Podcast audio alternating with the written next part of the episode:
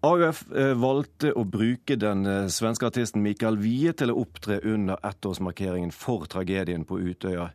Og det skulle de ikke gjort, skriver du i Dagbladet i dag, Einar Christian Steffenak. Du er lektor i historie. Hvorfor mener du det er upassende å invitere Wie? Det er riktig det du sier. Jeg bruker ordet upassende. Eh, la meg først innledningsvis bare si at jeg synes markeringen på Utøya var aldeles utmerket. Det var en fantastisk markering, og jeg har all mulig sympati med dem. Men hvorfor var det galt å Men bruke Vie? Nå skal vi komme videre dit, ja. Eh, Mikael Wie tilhører en retning innenfor politikken som går tilbake på 70-tallet. Det som i Sverige kalles for det lange 70-tallet, eller galnast kvartseklet. Han, ja, jeg, jeg, av, de, av, de, menneskene som da har hyllet noen av de sterke kommunistiske diktaturene. Men er det sånn eh, Steffen, at AUF må stå inne for alle nei, meningene til nei, artistene nei, som opptar? Nei, nei, nei. Mitt spørsmål selvfølgelig ikke. Selvfølgelig skal han For da ville det blitt vanskelig å booke artister? Yes, helt klart. helt klart, Selvfølgelig ikke. Men mitt eh, poeng er dette.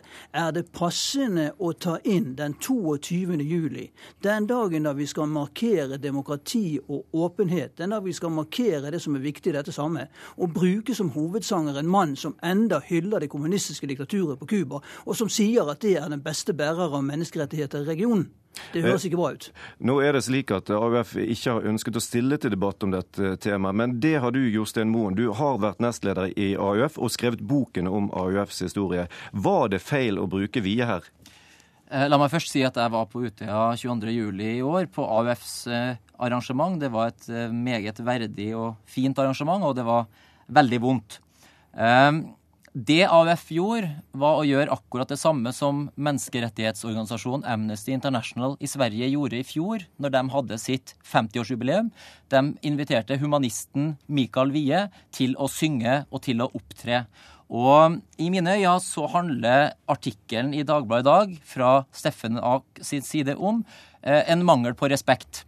To, Hvorfor er det mangel på respekt? Fordi at mange av oss har håpt at etter 22.07. i fjor så ville vi ha et debattklima prega av noe mindre stempling, litt færre merkelapper, litt mindre negativitet. Og det å hevde at en av Nordens fremste artister er en voldsromantiker, og attpåtil koble det med Utøya, slik det er gjort i artikkelen, det reagerer jeg meget sterkt på. Og det syns jeg er beklagelig i en situasjon hvor vi alle har et ansvar for å dempe konfliktnivået og bruke et språk som ikke øker øke polariseringa i det norske samfunnet. Steffen Akke, opplever du tekstene til Mikael Wie som voldsforherligende, og mener du at han oppfordrer til vold? Nei, men det sitatet som jeg har i, i artikkelen min, der antyder jo det. For øvrig, overskriften 'Voldsromantiker på Utøya' er Dagbladet, så jeg ville aldri i mitt liv ha brukt noen sånn. Men, men, er, men er, det, er, det, Du reagerer på, på uttrykket i tekstene. Du hadde også et sitat i, i, i i artikkelen din i dag. Var det noen av de to sangene som eh, Mikael Wie fremførte på Utøya-markeringen du reagerte på? Nei, ikke som jeg satt og hørte på der og da. Men jeg kjenner jo litt til Mikael Wies politiske historie i forkant. Og mitt poeng er dette brede historiske. Gjennom det forrige århundret som gikk bak oss, hadde vi to store totalitære retninger. Den jævelen som opptrådte på Utøya, han var påvirket av den ene av det nazistiske. Men vi hadde også en annen, den kommunistiske, hvor likhaugen fra denne er minst fire ganger så høy. Dette snakkes det veldig lite om i Norge, og jeg synes faktisk det er upassende, iallfall den 22. juli, å invitere Mikael Wie, selv om han er humanistisk inntenkning, sånn som jeg også er. Moen, forstår du dette synspunktet? Nei, jeg gjør ikke det. Og jeg synes at det, og i artikkel, Hvis ikke du kan gå god for overskriften i artikkelen din, Steffen Hack, så, så regner jeg med at det er du som har skrevet ordene, at dette ja, ja, er godt ja, gammeldags leninistisk hat. Det, og da trekker du fram en vil jeg si, en meget mislykket tekst. Eh, Michael Wie har gitt ut 30 plater siden 1978. Ja. og her, her, den, den, du trekker fram, er blant de eh, grovere og er ikke noe god sang. Men de sangene han sang på Utøya, 'Valet', som, en kamp, eh, som en kampsang mot fascismens framvekst, og en sang til modet, som for mange AUF-ere har betydd veldig mye de siste år, det siste året, det er sånn Michael Wie er på en måte AUFs venn. Han har vært på Utøya før. Han har spilt på AUFs landsmøte, er en venn av AUF. Han er en humanist. Og Amnesty International i Sverige brukte den på 50-årsdagen sin eh, at, som hovedartist. Slik at så ille kan den ikke være, eller hva? Så ille er han nesten, holdt jeg på å si, med sin hyllest fortsatt til det cubanske diktaturet. I desember i fjor gikk det en streng, lang debattserie i svenska Dagbladet der han nettopp ble konfrontert med dette. Og han fortsetter å hevde at Cuba er det regimet som har de beste menneskelige rettighetene i regionen. Det er de færreste enige, inklusiv lov til stille deg et spørsmål her. For det, det, AUF-ere har sagt at Mikael Wie har betydd eh, noe for Flott. dem i sorgarbeidet. Ja. Ja. Bør ikke hensynet til, til, dem gå foran ditt historiske perspektiv? Jo, det kan du godt være enig i. Det kan jeg godt være enig i. Men det er også min rett som borger i et forholdsvis fritt ytringsland å kunne hevde og påpeke dette aspektet.